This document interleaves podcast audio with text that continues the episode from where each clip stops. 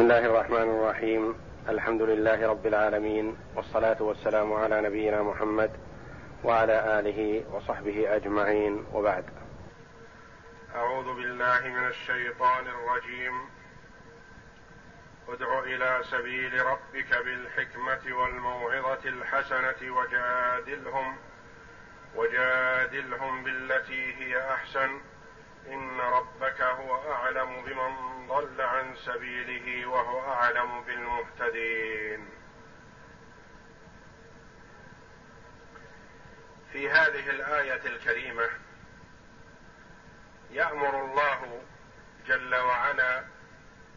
عبده ورسوله نبينا محمدا صلى الله عليه وسلم بان يدعو الخلق الجن والانس الى سبيله تعالى ادع الى سبيل ربك حذف المفعول لاجل ان يعم لانه عليه الصلاه والسلام ارسل الى الثقلين الجن والانس الى سبيل ربك وسبيل الله جل وعلا هو الاسلام ومن يبتغي غير الاسلام دينا فلن يقبل منه وهو في الاخره من الخاسرين ادع الى سبيل ربك بالحكمه والموعظه الحسنه وجادلهم بالتي هي احسن بالحكمه والموعظه والجدال بالتي هي احسن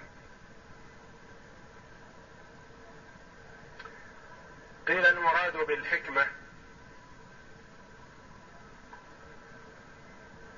نصوص الكتاب والسنه الشيء المحكم الثابت والموعظه الحسنه الوعظ والتذكير بايام الله جل وعلا بنصره لمن اطاعه وخذلانه لمن عصاه واهلاكه جل وعلا للامم الكافره المكذبه للرسل بالترغيب والترهيب الموعظه الحسنه بالترغيب لمن يستجيب لذلك والترهيب لمن لم ينفع فيه الترهيب فيخوف فاذا لم يستجب بالحكمه ولا بالموعظه الحسنه فالانتقال للمجادله ولتكن بالحسنى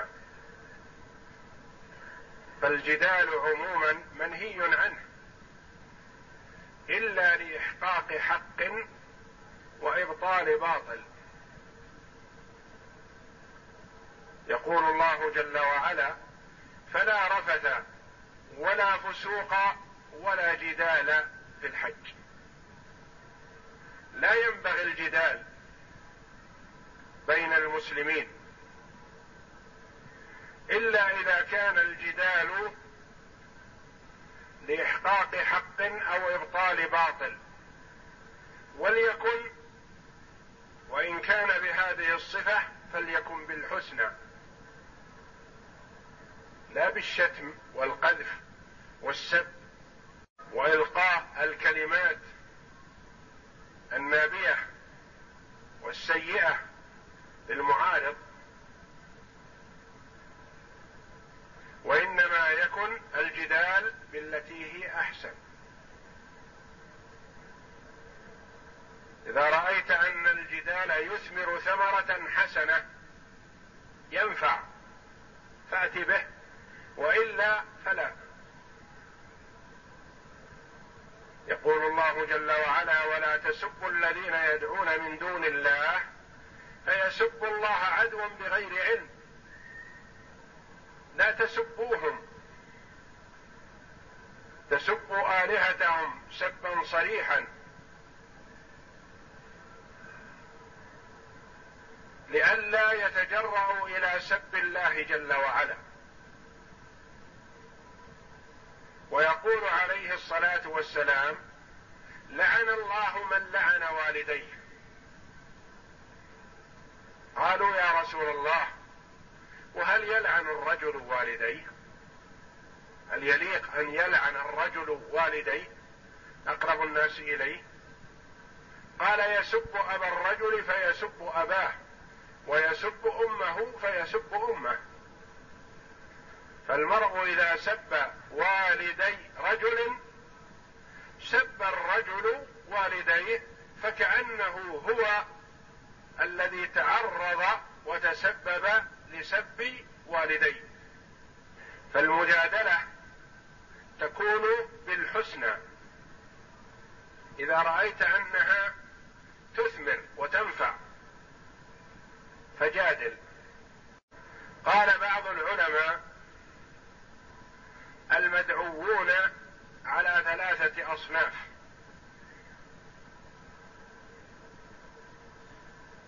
ثلاثة أصناف هؤلاء المعبر عنهم في قوله تعالى ادع إلى سبيل ربك الذي أمر النبي صلى الله عليه وسلم بدعوتهم على ثلاثة أصناف صنف علماء وصنف معارض معاند وصنف بينهما صنف علماء يريدون ان يبين لهم الحق بالدليل فيقبلوه ويدعو اليه ياخذوا به ويدعون اليه هؤلاء يدعون بالحكمه بالدليل والبرهان من الكتاب والسنه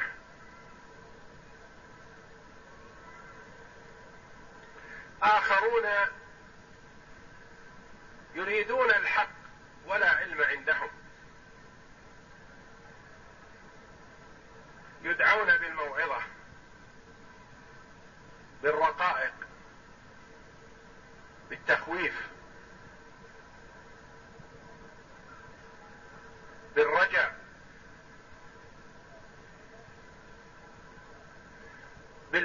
بالموعظة الحسنة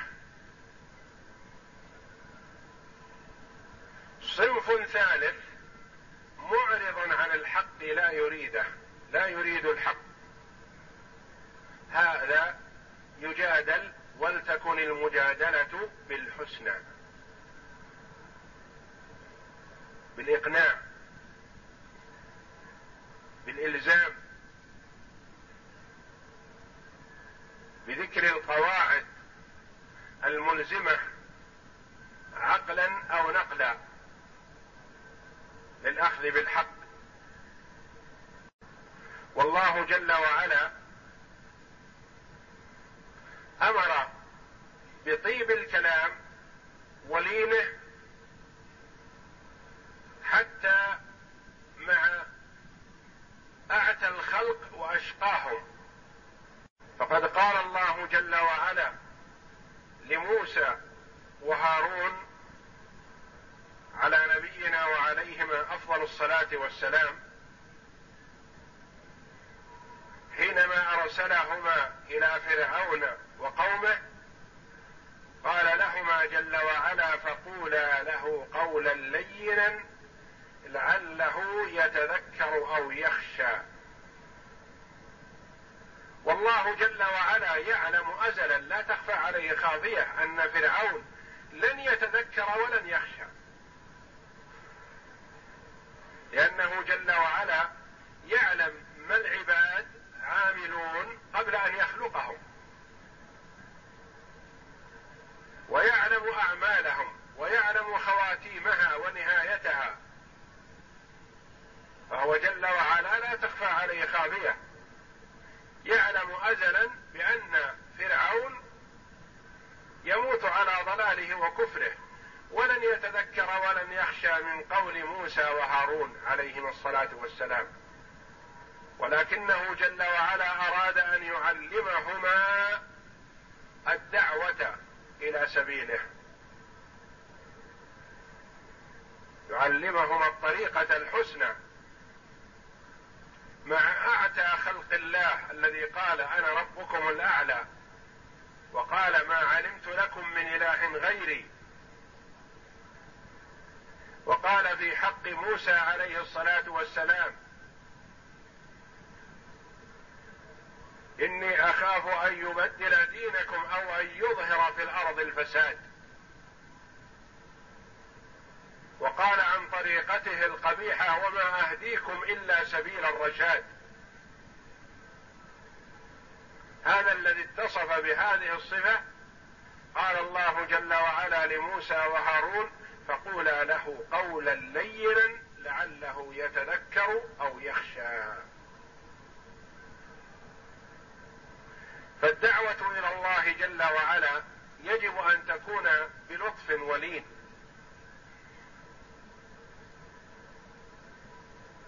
يجب أن تكون بالحسنى واللطافة تظهر لأخيك بأنك تحب له ما تحب لنفسك وأنك تحب له الخير كله تحب له السعاده في الدنيا والاخره ثم تتلطف به وتدعوه وترغبه في الخير وتحذره من فعل الشر بلا فضيحه ولا تشهير مع الستر اذا اطلعت منه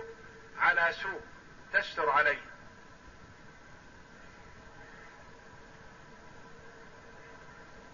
وكما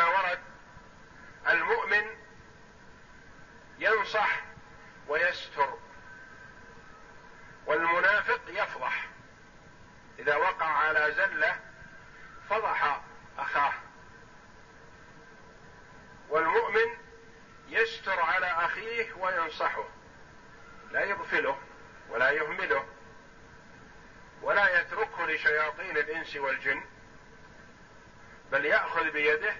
ويناصحه سرا والامر للنبي صلى الله عليه وسلم وامته له تبعا ادع الى سبيل ربك بالحكمه والموعظه الحسنه وجادلهم بالتي هي احسن هذا الذي عليك يا محمد وعلى من اتبعك من امتك من انصار دينك قل هذه سبيلي ادعو الى الله على بصيره انا ومن اتبعني ان ربك هو اعلم بمن ضل عن سبيله وهو اعلم بالمهتدين فانت عليك الدعوه والهدايه والاضلال بيد الله جل وعلا لن تستطيع ان تهدي من اضل الله ولا يضل من كتب الله جل وعلا له الهدايه والتوفيق والله يعلم ازلا من يكون من عباده على هدى ومن يكون من عباده على ضلال والامر بالدعوه لإقامة الحجة عليهم وزوال الشبهة ليستجيب من وفقه الله وليعرض وليمتنع من خذله الله على بصيره من امره والله جل وعلا لا يظلم الناس شيئا ان ربك هو اعلم بمن ضل عن سبيله وهو اعلم بالمهتدين فلا تحزن على من لا يستجيب ولا تضق نفسك بذلك بل اد ما عليك والباقي على الله جل وعلا فهو اعلم بمن يصلح للهدايه فيوفقه ويعلم من لا يصلح للهدايه فيخذله ويحرمه التوفيق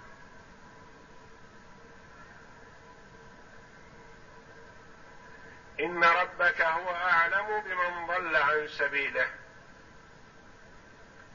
وكل شيء معلوم لله جل وعلا ازلا فبهذا تسليه للنبي صلى الله عليه وسلم بأن لا يضجر من عدم الاستجابه وأن عدم الاستجابة ليس لتقصير في دعوته ولا لعدم الوضوح وإنما لحكمة يعلمها الله جل وعلا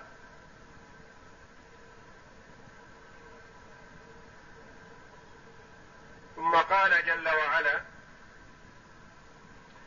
وان عاقبتم فعاقبوا بمثل ما عوقبتم به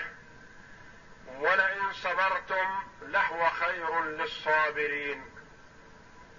واصبر وما صبرك الا بالله ولا تحزن عليهم ولا تحزن عليهم ولا تك في ضيق مما يمكرون ان الله مع الذين اتقوا والذين هم محسنون وهذه الآيات الثلاث هي آخر سورة النحل روي أن السورة مكية إلا هذه الآيات الثلاث وإن عاقبتم فعاقبوا بمثل ما عوقبتم به ولئن صبرتم لهو خير للصابرين أمر من الله جل وعلا لكل مظلوم متعد عليه ظفر من ظالمه او من المتعدي عليه بان لا يتجاوز في العقوبه اكثر مما يستحق صاحبه ورغبه في العفو والصبر والاحتساب ان اراد ان ياخذ فليأخذ حقه فقط ولا يزد وإن تجاوز وصبر فهو أفضل وأولى وإن عاقبتم فعاقبوا بمثل ما عوقبتم به شخص تعدى عليك فتمكنت منه فخذ حقك فقط ولا تزد وان صبرت وعفوت بعد القدره فهو افضل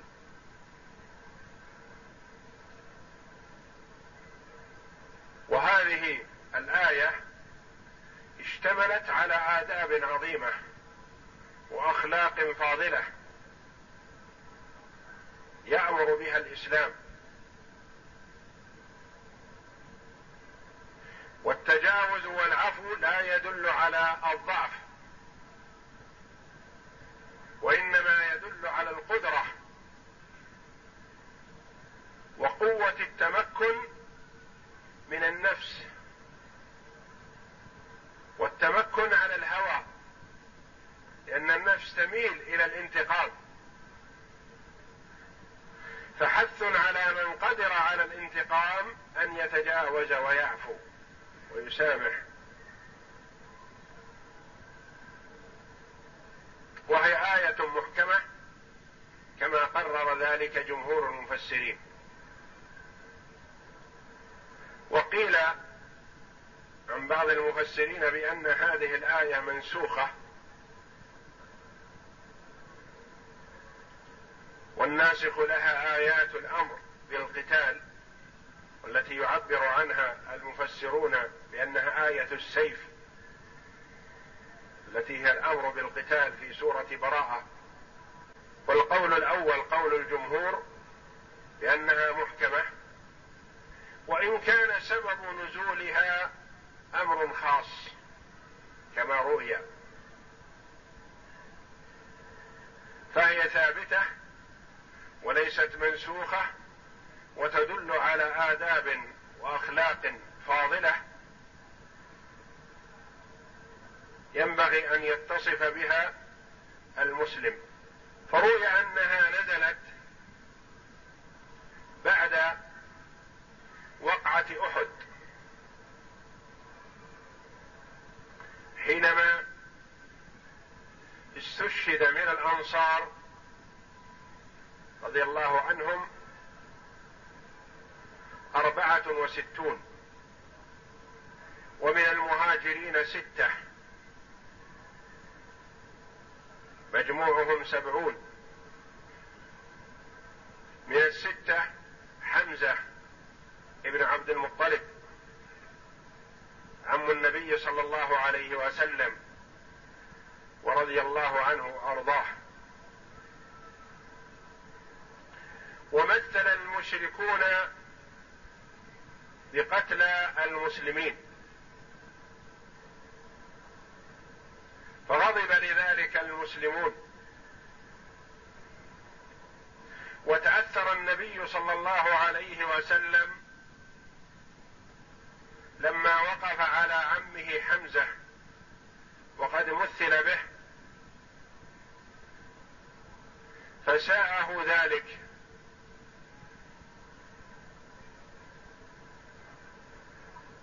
قال صلى الله عليه وسلم لأمثلن بسبعين منهم والصحابة قالوا لئن أظهرنا الله عليهم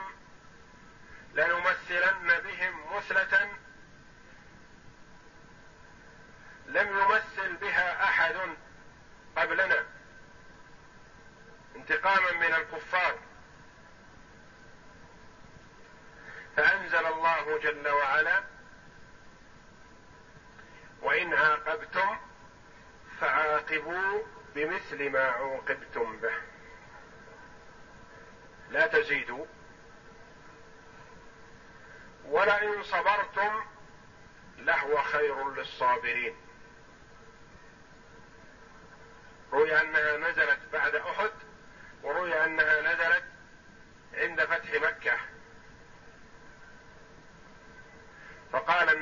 صلى الله عليه وسلم بل نصبر وكفر عن يمينه عليه الصلاه والسلام وحينما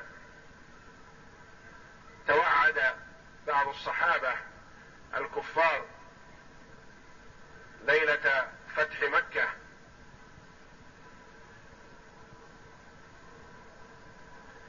امر النبي صلى الله عليه وسلم بأن لا يتعرض لأحد لا لأحمر ولا لأسود إلا أربعة استثناهم عليه الصلاة والسلام فقد عفى عنهم عليه الصلاة والسلام وقال لهم قولته العظيمة اذهبوا فأنتم الطلقاء فالله جل وعلا يأمر من تعدي عليه أو ظلم فظفر بظالمه بأن لا يأخذ إلا حقه وإن تجاوز وصبر فهو أفضل بمثل ما عوقبتم به ولئن صبرتم لهو خير للصابرين قال لهو خير للصابرين ولم يقل لهو خير لكم للتنويه بصفة الصبر ورفعة شأن الصابرين وجاء بكلمة خير منكرة للتعظيم وعظمة هذا الخير لهو خير للصابرين فجاء بالظاهر بدل الضمير للتنويه على هذه الصفة العظيمة صفة الصبر والله جل وعلا قال إنما يوفى الصابرون أجرهم بغير حساب وقال جل وعلا وبشر الصابرين قال جل وعلا ان المسلمين والمسلمات والمؤمنين والمؤمنات والقانتين والقانتات والصادقين والصادقات والصابرين والصابرات الى ان قال جل وعلا اعد لهم مغفره واجرا عظيما فثواب الصبر عظيم واعظم ما يكون اذا قدر المرء وعفى وتجاوز ولئن صبرتم لهو خير للصابرين ثم قال جل وعلا واصبر وما صبرك الا بالله امر بالصبر وترغيب فيه وبين انه يكون بتوفيق الله جل وعلا والهامه لعبده ذلك واصبر وما صبرك الا بالله اي بتوفيقه فهو نعمه من الله جل وعلا لمن وفق له ولا تحزن عليهم لا تحزن على الكفار والظالمين فامرهم الى الله جل وعلا وهو المنتقم منهم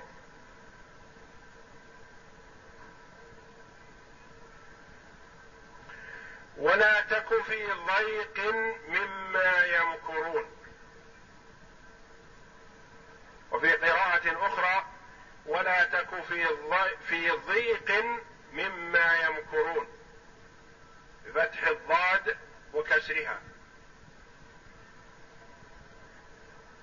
قال بعض المفسرين هما بمعنى واحد ضيق وضيق وقال بعضهم الضيق ما يكون في الصدر والقلب والنفس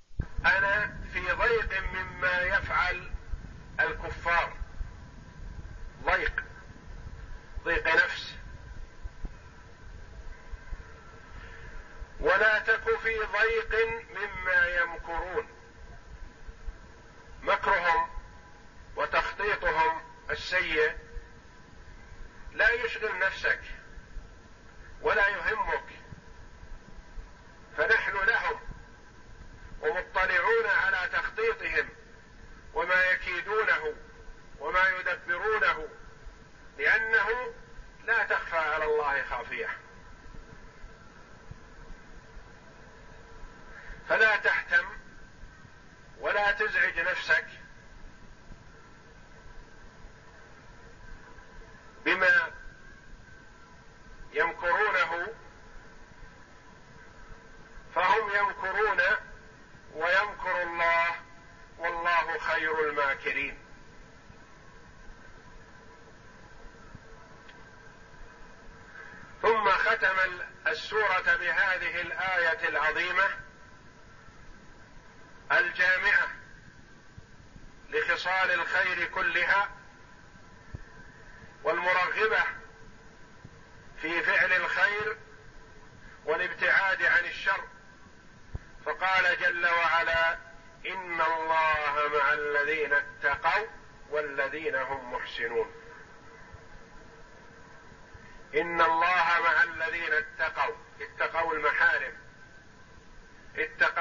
الله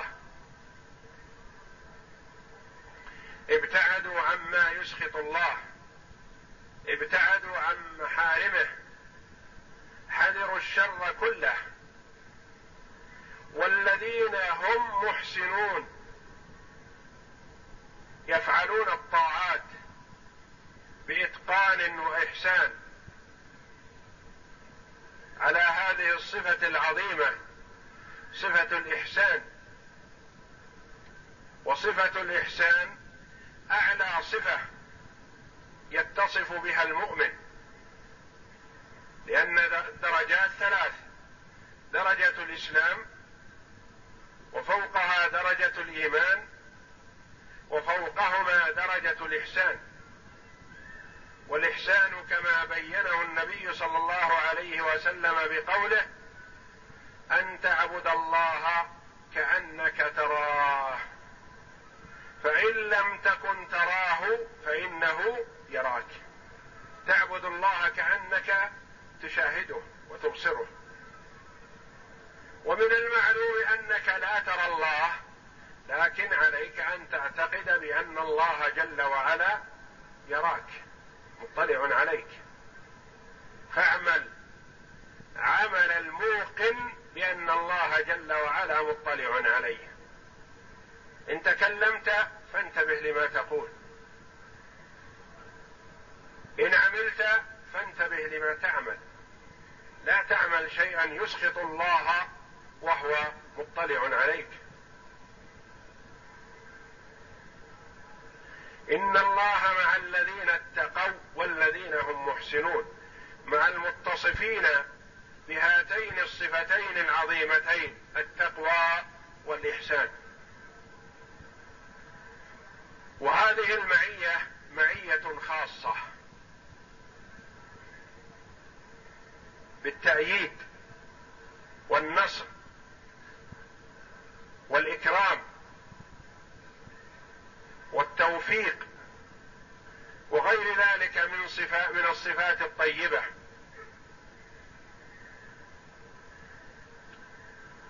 وهناك معية عامة مع الخلق كلهم ما يكون من نجوى ثلاثة إلا هو رابعهم ولا خمسة إلا هو سادسهم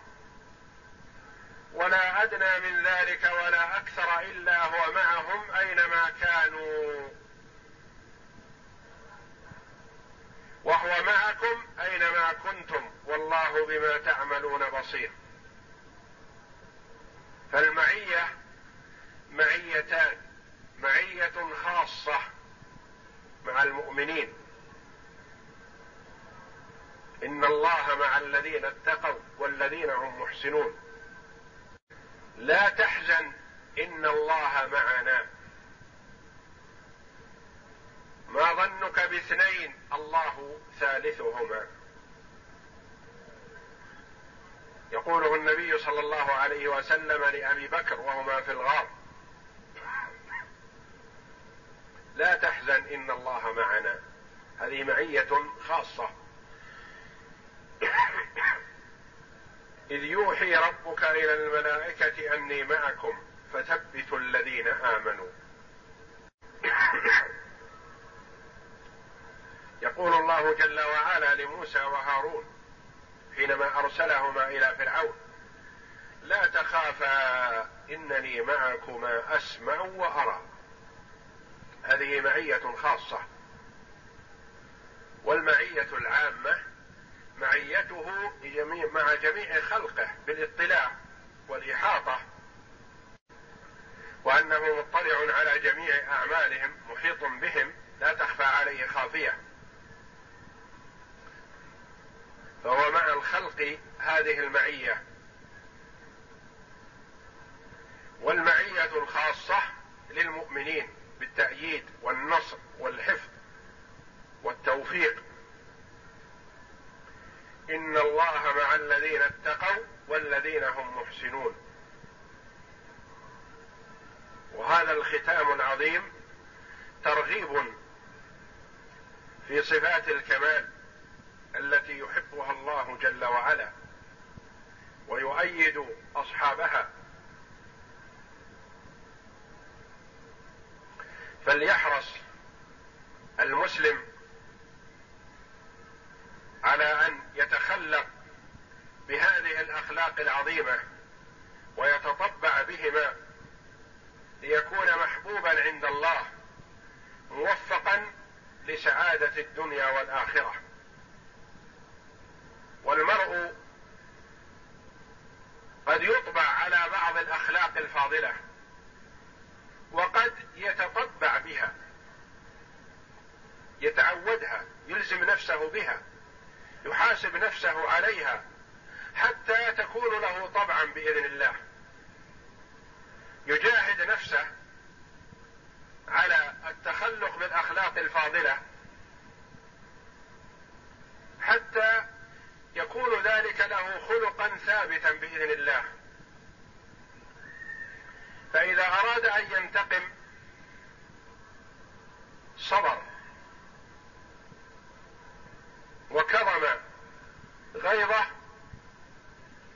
وتغلب على هوى نفسه إذا أراد أن يتكلم بكلمة سيئة حاسب نفسه على ذلك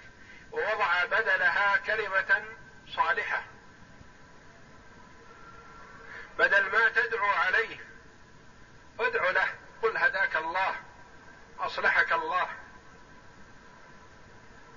وماذا تستفيد اذا قلت اخزاك الله او لعنك الله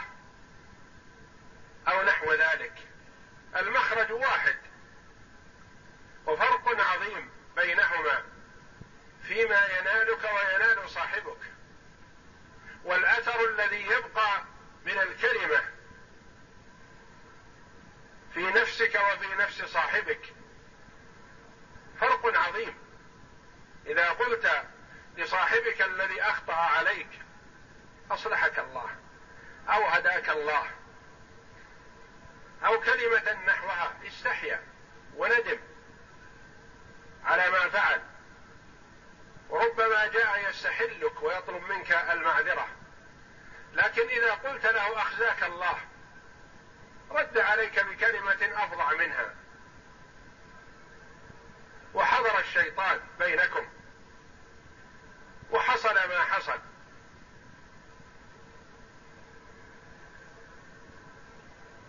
فالمسلم يحاول ان يتخلق بالاخلاق الفاضله ويتطبع بها يحاسب نفسه اذا صدر منه سوء وعد نفسه بأن لا تعود إلى ذلك وهذا يحصل